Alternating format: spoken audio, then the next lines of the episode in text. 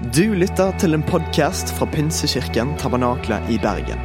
Vi tror at kirken skal være en plass hvor mennesker trives gjennom alle livets faser. En kirke for hele livet. Ønsker du å bli bedre kjent med oss eller holde deg oppdatert? Besøk vår Facebook-side eller ptb.no. Her er ukens tale. God kveld. Så nydelig å være her. Du, det er vinter. Er det noen som har stått på ski i dag? Eller i går? I løpet av helgen, liksom? Ja, det er noen par som har kommet seg ut. Det er jo ikke ofte vi har sånn som dette, så det er bare å nyte det når vi først er her. Men det er veldig godt at vi liksom, kan komme på kvelden. Vi kan liksom ha stått på ski hele dagen, så kan man komme på kvelden. Jeg har ikke stått på ski i dag. Det er afterski. Nei, nei, nei. nei. Jo da. Jo da. Du, Vi er i en uh, nydelig taleserie og kicker hele året i gang med å uh, trykke på med det som har med bønn å gjøre. Uh, vi tror at ikke bønn er en ekstra ting vi gjør i tillegg til alt, men at det er en del av fundamentet og det vi bygger på. Det vi står på som kirke. Vi er helt avhengige av Gud, og vi tror at det er Han som bygger sin kirke og gjør ting i vår by, og så kobler vi oss på det. Og da er bønn essensiell. Så det er helt nydelig å ha en bønneuke, og så kjører vi en taleserie knyttet til den kjente bønnen Vår Far, eller for noen kanskje Fader vår. Det er jo en sånn bønn som har blitt forandret i denne nye oversettelsen som kommer. Og vi er jo på en måte litt glad for oversettelsene, egentlig, selv om det blir litt sånn rart når man plutselig må be en bønn som man kan utenat. Litt annerledes.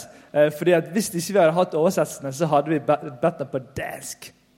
Så her. Det vil vi ikke. Så vi alle enige om det. Er det noe dansk her? Yeah, det var skulle. Så det er vi veldig glad for. Vi er eh, kommet til andre søndagen i denne taleserien. Eh, og eh, Benjamin, pastor eh, PB, som vi kaller han Det, det er vel offisielt lov å gjøre nå. Eh, han, eh, han, delte forrige uke om vår far i himmelen. At det er Gud vi ber til. Den, Gud er den rette far for alle. Altså Han er den gode far. Eh, det er han vi ber til. Og Det var ganske revolusjonerende at man kunne si 'pappa til Gud', 'vår far til Gud', når, når Jesus lærte disiplene dette. Og så kommer det til 'la ditt navn helliges', la det løftes opp og være hellig, gi det respekten det fortjener, den æren det fortjener. Og så 'la ditt rike komme', der vi tror på at eh, når Guds rike kommer nær, så er det umulige mulig. Og Vi har til og med her i kirken snakket om at 2017 er umulighetenes år. Ikke fordi alt er umulig. Det er utrolig bra! Alt er umulig i 2017. Nei, fordi vi tror at det umulige kan bli mulig, og vi tror på en Gud som kan gjøre det.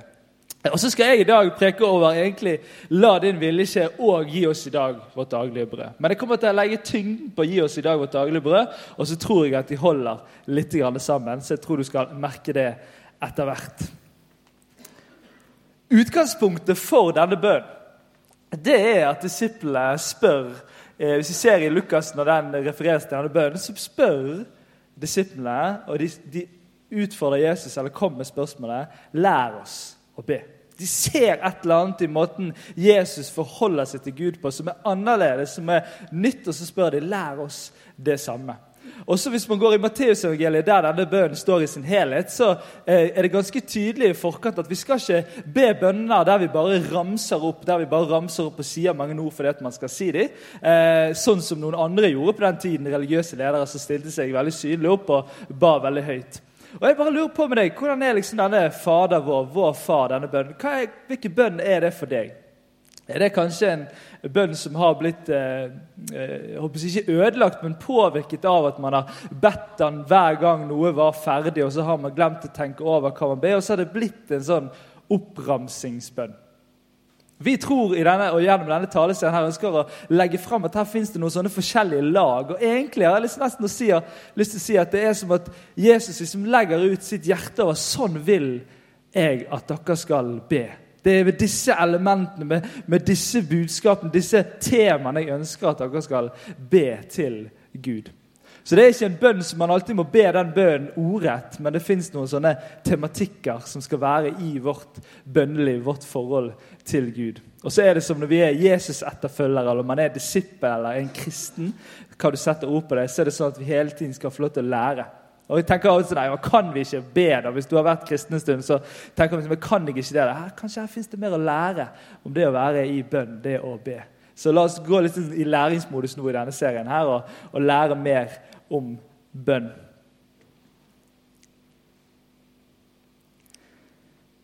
Jeg, jeg, har jo giftet meg inn i en, en, annen familie. Det er ikke bare bare, for de som har vært igjennom det, de vet, eh, vet det. Eh, og det er sånn at Jeg er vokst opp i en familie der det er ikke så veldig mye fokus på eh, liksom sånn manerer ved bordet.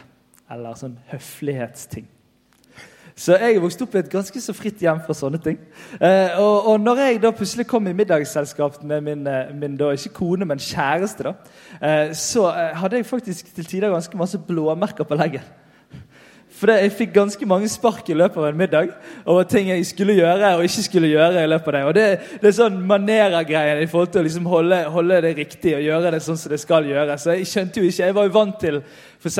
mormoren til Marit. Hun er en litt annerledes mormor, så hun var veldig opptatt av sånne ting. Så jeg holdt på å ikke bli godkjent av hun, og da tror jeg jeg hadde mistet Marit. faktisk. Men jeg var jo vant til besteforeldre som bare sa sånn 'Å, du er her, og det er så bra, og det er fint.' Og jeg var liksom vant til å være sånn liksom bestemors beste barnebarn. Eh, og så plutselig måtte jeg liksom eh, oppføre meg ved bordet og ikke sånn her eh, albuer på bordet. Det er masse greier man skal lære seg. Ja, det gikk bra. Jeg ble godkjent rett før hun døde, så det var helt bra. Så det, det var helt nydelig.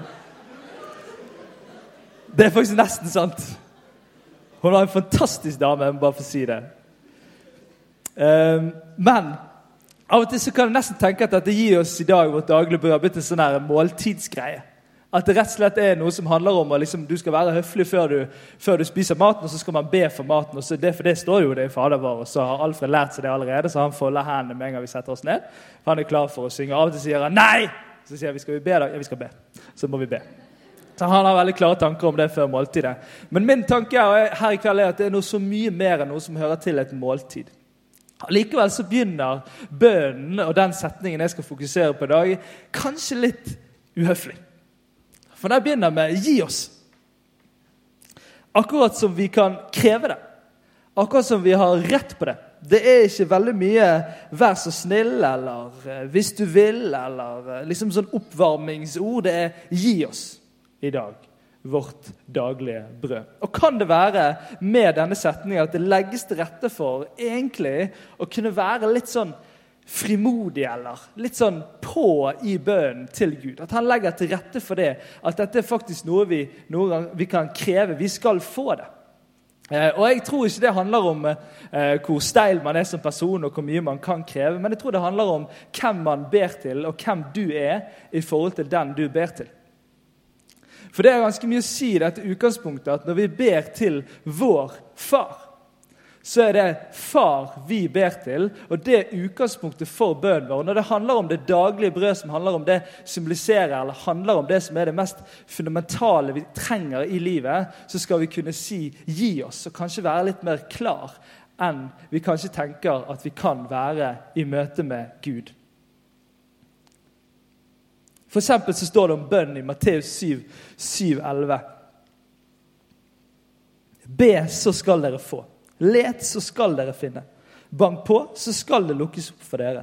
For den som ber, han får. Og den som leter, han finner. Og den som banker på, skal det lukkes opp for. Eller hvem av dere vil gi, gi sønnene sine en stein når han ber om brød? Det er veldig så levende for meg, det der. Her har du en liten stein, Alfred. Hva skive! Eller gi ham en orm når han ber om en fisk. Når selv dere som er onde og når vi blir litt sånn, Hvem er ond her nå? og sånn, sant? Men vi må forstå at vi, vi, er sånne mennesker, og som alle mennesker så gjør vi ting som ikke er bra. Og Her beskrives det til og med dere som ikke gjør det som er bra alltid, og ikke vet og klarer å holde det der igjen. Til og med dere kan klare å gi barna deres gode gaver. Hvor mye mer skal ikke da deres far i himmelen gi gode gaver til dem som ber ham? Og det er ganske ofte hvis man går igjennom Bibelen, spesielt i forhold til Jesus når han går rundt på jorden, så er det ganske ofte at han oppmuntrer til eller bekrefter frimodighet.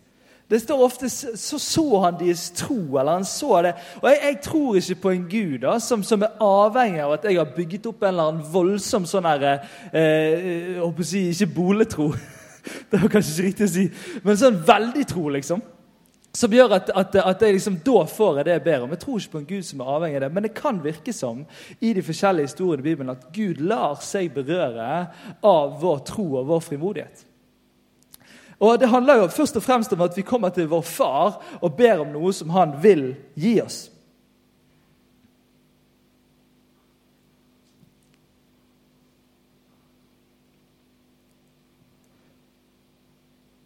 Frimodige bønner kan kanskje også være konkrete bønner. Og Jeg kjenner litt det i mitt eget bønneliv, at jeg noen ganger safer litt i bønnelivet mitt. Der jeg liksom lager en ganske så svevende og romslig bønn som gjør at jeg egentlig ikke kan finne ut av om jeg fikk svar på den eller ikke. Fordi at I møte med det om man får svar eller ikke, så er det noe med at jeg kjenner liksom sånn her, men Tenk hvis han ikke svarer, og tenk hvis jeg ikke får det jeg ber om. Og så blir man litt sånn svevende i det. Men kanskje kan det være at man kan be mer konkret. Jeg har lest en bok som heter 'Bønnesirkelen'. Eh, og, og det er, fortelles en historie fra den tiden imellom Det gamle testamentet og Det nye testamentet. Der var det en ganske lang periode det var ganske stille, og det står ingenting, men så fortelles det en historie fra denne tiden et sted, på et sted der det er tørt, og det har ikke regnet på lenge. Og Man har gitt opp å be til Gud om regn, men det står én mann igjen eh, som bestemmer seg for å be om dette regnet. Og Det denne mannen gjør, det er at han stiller seg ut på torget der alle kan se ham, Så tegner han en sirkel rundt seg. Og så roper han høyt til Gud, så alle kan høre. Så roper han høyt til Gud, og sier han, 'Jeg flytter meg ikke før du gir oss regn'. En ganske stor risk å ta. Det kunne, kunne gått ganske gale. Eh, men han sier det, så står han der, og så kommer regnet. Og da kommer det litt sånn duskregn, sånn som vi ikke kjenner til her i Bergen. Men det er når det bare regner bitte litt. Eh, og så sier han, 'Gud, vi skal ha mer regn enn dette her'. Og så kommer det enda mer regn. Og så sier han vi skal ha enda mer regn, og så kommer det for mye regn. Så sier han vi må roe ned, Gud. Og så kommer den fine regnet som liksom var best for avlingen og alt ser det. Fortelles denne historien som har preget generasjoner etterpå i tro om at Gud kan gjøre noe. Og Det er en sånn frimodighet her i denne bønnen. Og jeg tenker, det, Har vi litt å gå på på å be frimodige eller modige bønner, konkrete bønner? Det er jo fantastisk når han justerer Guds bønnesvar underveis.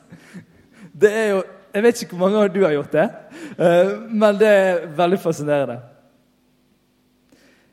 Og jeg, jeg har vært litt sånn her, jeg har, I møte med folk så har jeg blitt inspirert til å be mer konkrete bønner. Og Vi fikk en, en liten sønn på, eh, på 22. desember kom han ut. vet du. Ja, du kan klappe litt. Det er greit. Det er på mye. Og jeg var litt sånn der, Han kom ti på tolv på kvelden, og da var lille julaften og så julaften. Og Forrige gang Marit fødte, da tok det ganske lang tid før vi hadde det fint. sånn egentlig. For det er ganske heftig å føde. Eh, så hun hadde en ganske lang periode før hun liksom kom seg på beina. og alt sånt, Så tenkte jeg dette blir en annerledes jul. Det hadde jo vært litt deilig med litt jul. Og så satt vi på, på liksom, eh, Storken der oppe på, på Haukeland, og og så, satt vi der og så, og så, skulle vi be litt sammen. Og så kjenner jeg det kommer en sånn, litt sånn rar bønn. Jeg hadde ikke helt tenkt å be han sånn, men han bare ble sånn. Så ber jeg bønnen om at jeg ber om at Marit skal bli unaturlig fort bra igjen etter fødselen. Og vi ber, Jeg ber den bønnen, og dagen etter så må vi liksom vurdere om vi skal flytte, nei, dra hjem eller ikke fordi storken stenger og vi må dra på en annen avdeling. Og så, og, så, og så, drar vi hjem klokken to dagen etterpå. Hun fødte ti på tolv på natten. Vi drar hjem klokken to dagen etterpå. Hadde det vært med forrige mann, så hadde vi ikke, hun hadde ikke kunnet gått hjem. i det hele tatt. Og så får vi en fin jul sammen. Og Jeg har fulgt et, et par i, i, menigheten som inspirerer meg masse. De skulle kjøpe bolig. Eh, og, eh, og, eh, de hadde ganske klare forventninger om hva de trengte i denne boligen. Så de hadde en ganske bra liste. Og så tenkte jeg vi gir den listen til Gud. Så de bare ba konkret til Gud. Vi trenger så og så mange soverom. Sånn og sånn plassering. sånn Og sånn og sånn. Og så ba de konkret. Og de sitter nå med en bolig som er helt etter det som de trengte. Og fikk han ganske mye billigere og hadde mulighet til å få det de trengte. Og nå sier jeg ikke dette for at vi liksom skal utnytte Gud. Så lenge vi sier det konkret, så bare da får vi det. liksom. Eh, for vi vet at setningen før 'Gi oss i dag vårt daglige brød' handler om at vi lar Hans vilje skje på jorden som i. Så det er alltid knyttet til hans vilje. Men kanskje skal vi tørre å være litt mer bolde, litt mer på, og tørre å leve i den spenningen av at når vi ber konkret, så får vi òg vite om vi får svar eller ikke. Og Jeg har lyst til å snakke åpent om det i dette rommet. her, og skulle gjerne hatt enda mye mer tid til det. Hva, hva tenker vi når Gud ikke svarer på bønnene? For det, jeg ønsker at det skal være masse rom for den frustrasjonen, den sinne, den utfordringen det er å tro på en Gud som sier han skal svare, sier han skal gi oss. Når vi ser at det er jo helt selvfølgelig Guds vilje, det som vi nå ber om. Men allikevel så skjer det ikke. Jeg har bare lyst til å si Det er masse rom for det, og, og, og, vi forstår ikke alltid det der. Men jeg får ikke tid til å gå veldig dypt inn i det. Men det jeg har bestemt meg for i eget liv, det er å orke å leve i spenningen av å tro at det kan skje, selv om jeg vet at det kan hende det ikke skjer. Og Hvorfor må vi være sånn at vi alltid må ha liksom det ene helt utelukket for å hive oss skikkelig på? Kanskje klarer vi å være sånne mennesker som sier jeg hiver meg helt på at Gud kan gjøre dette. Jeg ber for denne verden min, eller jeg går inn i dette med tro om at Gud kan gjøre det, selv om jeg vet at det fins en mulighet for at ikke det skjer, og jeg ikke helt forstår hvorfor det ikke skjer.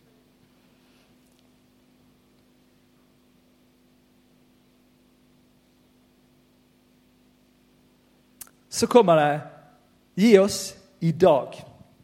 Da skal vi lese tidlig jeg håper Ikke tidlig, det, det, skal vi lese, men det, det er tidlig i Markus 1.35. Der står det 'tidlig neste morgen'. tidlig. tidlig neste morgen, mens det ennå var mørkt, sto Jesus opp, gikk ut og dro til et øde sted og ba der. Og Hvis man følger evangeliene, som er fortellingen om Jesus, de, de, fire første bøkene i Det nye testamentet, så ser man at det er en sånn gjennomgangsmelodi. Det er en rytme i Jesus' sitt liv. Gå til sides og bruke tid med sin far. Og, og, og, det er sånn at Når Jesus kommer her på jorden, så jeg har tenkt av og til, hvorfor har vi på en måte ikke bare en A4-side eh, i Det nye testamentet som forteller om at Jesus kom, døde, sto opp igjen, vant over døden, og alt bra. Kunne skjedd. Eh, men funksjonen av Jesu liv på jorden viser mer enn at, han, at, enn at det var det som var hovedårsaken, at han skulle eh, vinne over døden og gjenopprette forholdet mellom Gud og mennesker. Så viser han også, fordi Jesus han er fullt ut Gud, og så er han fullt ut menneske. Og dermed så Når han går rundt på jorden, så viser han Gud i møte med mennesker. Han åpenbarer, han viser oss hvem Gud er. Og så viser han òg menneskets forhold til Gud. Og Det er jo utgangspunktet for denne eh, eh, bønnen vi nå går igjennom. At faktisk disiplene sier her ser vi et eller annet i måten Jesus forholder seg til Gud, som vi vil lære. Og, og det her er den måten vi også kan lære av denne daglige rutinen av at Jesus går og ber og bruker tid i bønn med sin far. For det jeg kjenner i mitt eget bønneliv, og, jeg, og kanskje merker litt av og til, apropos bønneuken vår, er at det blir en sånn prosjektuke eller prosjekttid. Der jeg bare kjenner nå er dette bønneemnet veldig høyt oppe, og jeg ber masse for det. jeg ber inn i dette, Men det blir en sånn prosjektgreie der jeg møter Gud i en tid der jeg trenger det veldig mye. Og så mister man den daglige relasjonen. For jeg tror at bønnelivet vårt og det at vi gir oss i dag vårt daglige brød, det er noe daglig og hverdagslig i den relasjonen som Jesus ønsker at vi skal jeg, være i vår bønn i. Det hverdagslige og nære kan òg hjelpe oss til hvis vi lever i det når vi bare forteller Gud hvordan dagen vår skal være, eller hvordan dagen vår har vært. Når vi, når vi går i den rytmen sammen, så kan det òg være at vi beveger oss litt vekk fra at det blir bare en sånn ønskelistebønn. Der vi kommer med de tingene som vi har på listen og ting som vi trenger, og så blir det sånn, et sånn rent behovsforhold. Og Jeg tror det er en naturlig del av vårt forhold til Gud å be om ting som vi trenger. Men jeg tror òg at det er noe daglig og nært over det. Det hverdagslige der vi vandrer i bønn sammen med Gud. Om det er et fast tidspunkt eller ikke, så er det ikke det. Men vi ser jo det, at Jesus faktisk har noe sånn der, Han isolerer seg litt. Grann. Så Bønn er ikke avhengig av et fast tid eller et tidspunkt, men det virker som i rytmen av Jesus' liv at han, at han utfordrer oss litt på det. Så jeg vet ikke hva et sånt tidspunkt og sted kan være for deg. Om det er den, hvis du har, kjører bil, om det er den faste kjøreturen hver dag, kanskje. Eller om det er med frokostbordet hvis du har litt rolige morgener med studiet ditt. Eller bussturen, som tar ganske lang tid i rushen. Eller om det er rett før leggetid. Eller om det er i, i det bofellesskapet du bor i, der man samles til en middag og faktisk bruker litt tid i bønn sammen etterpå. Det jeg tror er at Gud ønsker en daglig, en hver dag, en hverdagslig relasjon til oss når vi ber til ham. Og så kommer dette vårt daglige brød. Og Når disiplene sitter og hører på at Jesus forteller og gir de denne bønnen, så er det ganske sannsynlig at disse får assosiasjoner og tenker på en fortelling de har hørt flere tusen ganger rundt kjøkkenbålet på kvelden når pappa sitter og forteller, eller bestefar forteller historier om forfedrene, de som gikk før oss sammen med Gud, israelsfolket. For det var sånn at israelsfolket var fanget i Egypt slaver undertrykt i Egypt, og så leder Gud de ut av Egypt på reneste 'Ringenes herre', et eller annet annet kul film som nå er mye bedre eksempel enn 'Ringenes herre'. Alle kan 'Ringenes herre'. Bra, det og så, og så tar han de ut av Egypt, og så skal de inn i det lovede land. Og så blir det en sånn mellomfase i en ørken der Guds timing er annerledes enn deres timing, og så blir de gående rundt der. Og Så tar det ikke lang tid før de savner kjøttgrytene i Egypt. De har glemt at de var slaver, at de var undertrykt, men der fikk jo de mat. Og her har de lite mat. Og så er det Gud som, som hører deres klage, eller man kan også si deres bønn. Vi leser fra 2. Mosebok 16, 6-12. Så sa Moses og Aron, det er lederne, til alle israelittene. I kveld skal dere forstå at det var Herren som førte dere ut av Egypt. At de kunne ha glemt det allerede. Det er ca. 1 12 måned siden. Gud delte havet i to. I kveld skal dere forstå at det var Herren som førte dere ut av Egypt. Det er mennesker, altså. I morgen tidlig skal dere se Herrens herlighet, for han har hørt hvordan dere klager til ham. Men hvem er vel vi, siden dere klager til oss? Moses fortsatte. I kveld skal Herren gi dere kjøtt å spise, og i morgen brød å mette dere med. For Herren har hørt hvordan dere har klaget til ham. Men hvem er vi? Det er ikke over oss dere klager, men over Herren.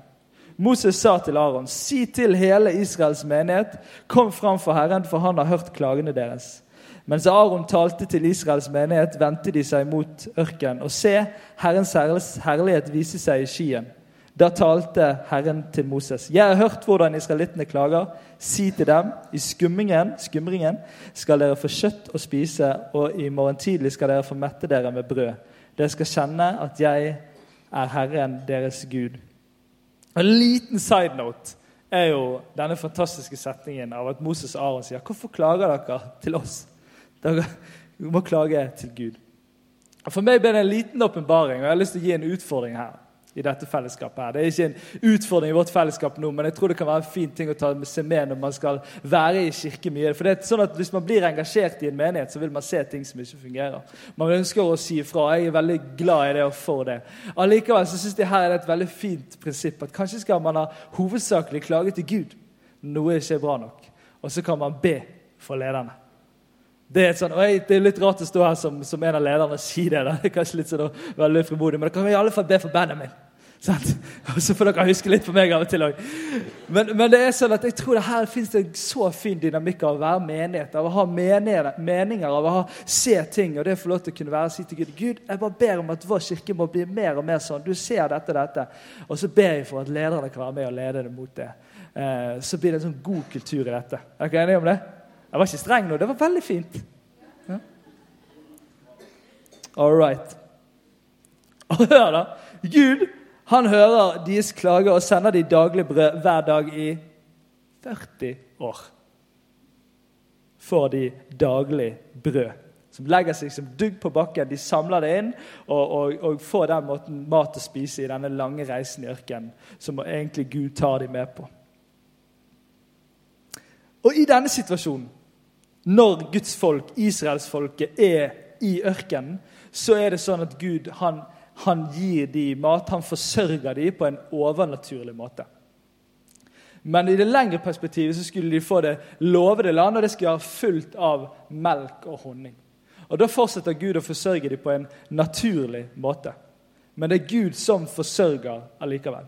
Melk og honning kommer fra skaperverket som Gud har skapt. Det er han som er forsørgeren. Selv om det ikke er overnaturlig, da er det en naturlig måte Gud forsørger folket på. Så om Gud forsørger oss på en naturlig eller overnaturlig måte, så er bunnlinjen at han er vår forsørger. Og Det er derfor jeg tror at kanskje er det sånn at denne bønnen i vår far er kanskje den bønnen vi trenger å be med et helt hjerte i vår del av verden, i vår situasjon i verden. For er det ikke blitt sånn at vi har blitt våre egne forsørgere? Der det er enten studielånet og stipendet eller lønnsslippen eller, eller, lommepengene eller hva det skulle være. Nå spør lompe, nei, skal spørre om det. Men, men det er det som plutselig blir tryggheten, da, og om Rema 1000 er åpen. Sånn at jeg får det jeg skal kjøpe inn. Og så plutselig blir vi våre egne forsørgere, og så blir det opp til meg å forsørge meg sjøl, og jeg klarer meg sjøl. Jeg husker jeg hadde jeg hadde en kollekthall en gang der jeg fortalte om at løken på Kiwi egentlig kommer fra jorden. Han er plantet i jorden og vokst opp der uten at mennesker har gjort så veldig mye med det. Det er Gud som skaper. Selv om det ligger i kassen på, på, på Rimi, så er det fortsatt Gud som forsørger på en naturlig måte. Og Her tror jeg det finnes to farlige konsekvenser når vi dras inn mot å tro at vi er hovedforsørgere i eget liv. For det er sånn har det blitt. Vi har fått for stor avstand fra det som handler om det daglige brødet vi trenger for å overleve, og så tror vi at vi er våre egne forsørgere. To konsekvenser. Første konsekvensen vi plasserer tryggheten og tilliten for det mest fundamentale og grunnleggende i livet på oss sjøl. Og vår evne til å fikse livet. Og Hvis vi gjør det med noe så grunnleggende som det daglige brød, så er det ganske så liten sjanse for at det beveger seg inn i andre områder av livet. Og vi ser det veldig fort i det vi kan kalle vår egenrettferdighet. Der vi begynner å lure på at vi er såpass flinke i forhold til ganske mange andre i det som har med kristengreien å gjøre, at vi kan vel klare oss uten denne nåden, uten å ta imot eller uten å leve i det som Jesus har gjort for oss. Og så sniker den seg inn. Men jeg, jeg fikser det ganske bra sjøl. Jeg er vel ikke så avhengig. Og så beveger det seg inn der. Og hvis vi går, var derfor jeg har lyst til å ta tak i dette i dag. Hvis vi viker fra det daglige brød, at det egentlig er Gud som er vår forsørger da er jeg så redd for at det kommer til å prege vårt forhold til Gud på så mange andre områder. Og sannheten er Indien, at det er Gud som er vår forsørger. Hvis vi tror at det er han som skapte jorda, hvis vi tror det er han som har gitt oss alt dette, så er det fortsatt han som er vår forsørger, selv om du har en jobb på en eller annen plass og klarer å få en lønning og kjøper inn mat. Det er han som forsørger oss. Konsekvensen nummer to er at vi legger vår trygghet i om vi får det vi trenger for at livet skal gå rundt, på oss sjøl, og det blir en falsk trygghet. Vi legger det på oss sjøl og samfunnet rundt. Eh, og jeg vet ikke, Det er nok ingen av dere som har merket dette, men noen har nok vært i berøring med hvor fort det kan snu i samfunnet. Det, man kan si En mann som satt som, som, eh, som 30-åring og jobbet i oljen, hadde eh, ca. 50, eller iallfall 40 hvor lenge man jobber, 40 år foran seg med gode lønninger og kunne bare tenke her er det bare å cashe inn. liksom og så plutselig snur det. Eller plass, en helt annen plass i verden. Det er ikke oljen som er vekke. Et eller annet som skjer i det verdenssamfunnet vårt som gjør at plutselig så har han ikke jobb dagen etterpå. og Så må han rundt og prøve å finne en annen jobb sammen med 200 000 andre, og så er det plutselig livet helt snudd opp ned. Det er en falsk trygghet å tro at det er måten du klarer å gjøre en eller annen utdannelse på, måten du klarer å prestere på inn i et eller annet og få deg en eller annen jobb, som er det som vil gi deg trygghet i livet. Hvis du har tryggheten din plassert der, så er den utrolig utrygg, egentlig. Og, og jeg vil si han er falsk. Det er en falsk trygghet som gjør at vi kjenner, at vi, vi kjenner på han som at han er sann, men så er han falsk, og så oppdager vi ikke det før det smeller. Og nå skal ikke jeg være sånn skremselsfyr her i dag. Jeg har bare lyst til å vekke oss litt. For vi er en generasjon som, er, som ikke tenker på dette engang. Vi er så vant til at det er noe som vi kjøper inn sjøl, og som vi klarer sjøl. Men det er Gud som er vår forsørger. Om han gjør det på overnaturlig måte eller naturlig måte. Naturlig måte gjennom at han gir deg kraft og styrke til å gjennomføre et studie som du trodde aldri skulle klare. Eller om han gir deg en jobb som du ikke trodde du skulle få. Eller om det er liksom noe han gjør i deg som gjør at du kan, kan i på lag holdt på å si med dette samfunnet, være med og, og bygge noe som gjør at du kan ha det daglige brød. Men det er han som gir det til deg. Eller om det er på overnaturlig måte. Der det plutselig, sånn som Mine foreldre snakker om en ganske tøff tid av småbarnsfase der min far var bussjåfør og min mor var dagmamma, og, og, og vaskemaskinen røk. og Hva gjør vi nå? Og, ikke, og Hvis vaskemaskinen ryker i en småbarnsfamilie, så er ikke det bare sånn der, å, ser jeg noe. Det er sånn, det går ikke rundt. hvis ikke. Og så kommer denne regningen, og så er den på en viss sum. Og så tenker de hva skal vi gjøre? Kjære Gud. Og så kommer konvolutten på dagen eh, neste morgen på døren. Og så er det akkurat summen de trenger. Og så er det mange mennesker som kan fortelle dette. Historier av at Gud på en overnaturlig måte forsørger. Jeg har hatt en nydelig historie av et av misjonsparene i denne menigheten vår i dag formiddag som fortalte om at de var misjonærer sendt ut, mistet de halvparten av lønnen sin plutselig. Og så sto de der ute og var fattige og visste ikke hvordan de skulle gå rundt. Og det som skjer er at Nabotjenestekaren han kommer hver dag med en kurv til dem han tror ikke engang sjøl, men han kommer med en kurv til dem med mat. Så klarer de seg i en periode. Og så er det Gud som forsørger. Gud er ikke en forsørger som, forsørger som styres av ytre faktorer, men en Gud som forsørger uavhengig av situasjonen. Og Så kan man si at dette daglige brød sant? Brød er jo, symboliserer noe grunnleggende i kosten. I alle fall i Norge. Folk som kommer fra utlandet til Norge, tenker sånn at spiser dere noe annet enn brød. Og vi bare, De spiser så mye ris og andre plasser, men vi er jo like gale. Vi bare spiser brød hele tiden. Men det er noe grunnleggende i kosten. sant? Og så kan man si at når, når, når eh, Det nye testamentet skrives og man begynner å fortelle om hvem mennesket er, så kommer det egentlig en ganske eh, stor nyhet ut i forhold til det at mennesket er ikke bare ånd. Før var det sånn at man tenkte at mennesket først og fremst bare var ånd, det man kunne forholde seg til Gud med, og så var kroppen og sjelen noe vi måtte drasse på med. Eh, og egentlig et sånn nødvendig onde. Men så kommer det gode skriftsteder som forteller oss om at vi er ånd, sjel og kropp. Vi er hele mennesker. Og når brød, det daglige brødet symboliserer noe grunnleggende, så kan man på en måte si at det er inn i ånd, sjel og kropp. I ånd, der det er dette som er maten. Det er dette som er brødet. Det er ikke hvor bra du gjør en eller annen tjeneste, eller hvor flink du er til å, til å løfte hender i en eller annen lovsang. Det er Guds ord som er maten som fører din ånd, som gir mat til din ånd. Til din tro, til ditt liv sammen med Gud. Og Når det gjelder sjel, så er det at vi kan få lov til å ha vår identitet i Han. Der vår identitet ikke styres av hvordan vi får ting til i livet rundt, eller hvilken rolle vi har, eller sånne ting, men der vi får lov til å ha vår identitet i en som har elsket oss først. Og som elsker oss uansett. Og så får vi lov til å gå i den grunnleggende, fundamentale delen av livet av å vite hvem vi er. Ikke på avhengig av hvor godt vi får ting til, men hvem som elsker oss, og hvem vi er skapt av. Og så er det kroppen vår, som ikke bare handler om mat på bordet og få det vi trenger, men som handler om helse til kroppen vår.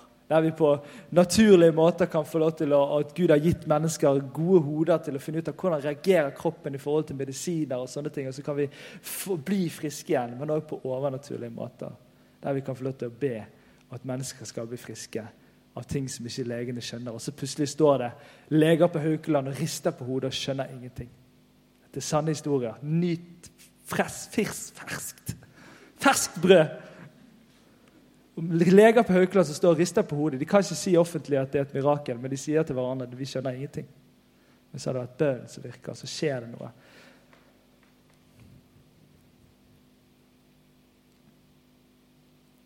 Det går ikke lang tid. Blåsningstimen kan komme fram. Det går ikke lang tid fra og egentlig fra dette første brødunderet, og de opplever det hele veien, til at israelsfolket igjen blir tatt av denne tyngdekraften av å fikse det sjøl.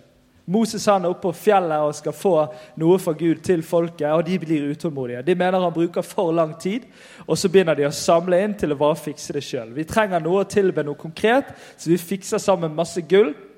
Sånn at vi lager en gullkalv, og så begynner vi å tilbe denne gullkalven. Det, fins en sånn grunnleggende tyngdekraft i oss mennesker av å dras mot at vi tror vi egentlig fikser det sjøl, eller ønsker om å fikse det sjøl.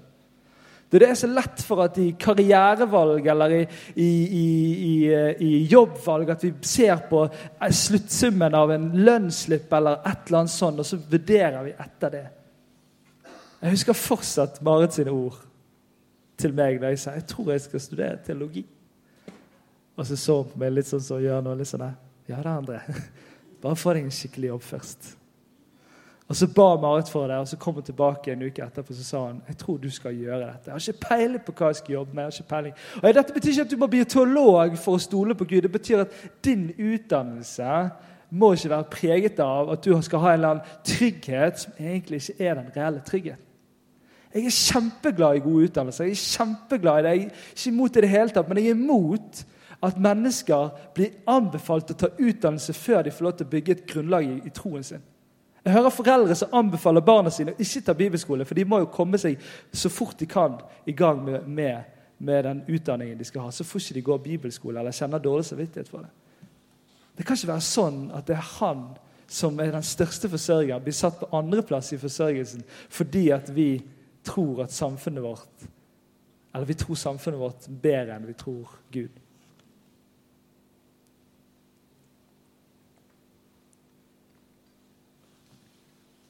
Jeg tror å be denne bønnen Gi oss i dag vårt daglige brød. Er med å jobbe mot den tyngdekraften som setter oss i en tillitsposisjon til Gud, vår far, som setter oss i posisjon av å leve etter Guds vilje. At den må skje i mitt liv her på jorden, slik som alt er etter Guds vilje i himmelen. Jeg har lyst til å avslutte med å lese noen ord til dere. Gi dere litt mat på slutten her. Og Noen av dere kan ha hørt dette før. Men jeg har så lyst til at du skal spise disse ordene. Jeg har lyst til at du skal ta dem langt inn ta dem til deg. Og så har jeg ikke lyst til at du skal tenke at du har hørt dem før. hvis du skjønner at du har hørt dem før. Jeg har lyst til at du skal høre dem som du hører dem for første gang. Og så kommer ikke de på skjermen, så du skal få lukke øynene dine og ta imot. Derfor sier jeg dere, det er Jesus som snakker til deg, vær ikke bekymret for livet, hva dere skal spise, eller hva dere skal drikke. Heller ikke for kroppen, hva dere skal kle dere med. Er ikke livet mer enn maten, og kroppen mer enn klærne? Se på fuglene under himmelen. De sår ikke, de høster ikke og samler ikke i hus. Men den far dere har i himmelen, gir dem føde likevel. Er ikke dere mer verdt enn de? Hvem av dere kan vel med all sin bekymring legge en eneste alen til sin livslengde? Og hvorfor er dere bekymret for klærne? Se på liljene på markedet, hvordan de vokser. De strever ikke og spinner ikke, men jeg sier dere selv ikke Salomo i all sin prakt var kledd som en av dem. Når Gud kler gresset på marken så fint, det som gror i dag og kastes i ovnen i morgen, hvor mye mer skal han ikke da kle dere? Dere lite troende. Så gjør dere ikke bekymringer og si ikke 'hva skal vi spise', eller 'hva skal vi drikke', eller 'hva skal vi kle oss med'? Alt dette er hedningene opptatt av. Men den far dere har i himmelen, vet jo at dere trenger alt dette. Søk først Guds rike og hans rettferdighet, så skal dere få alt det andre i tillegg.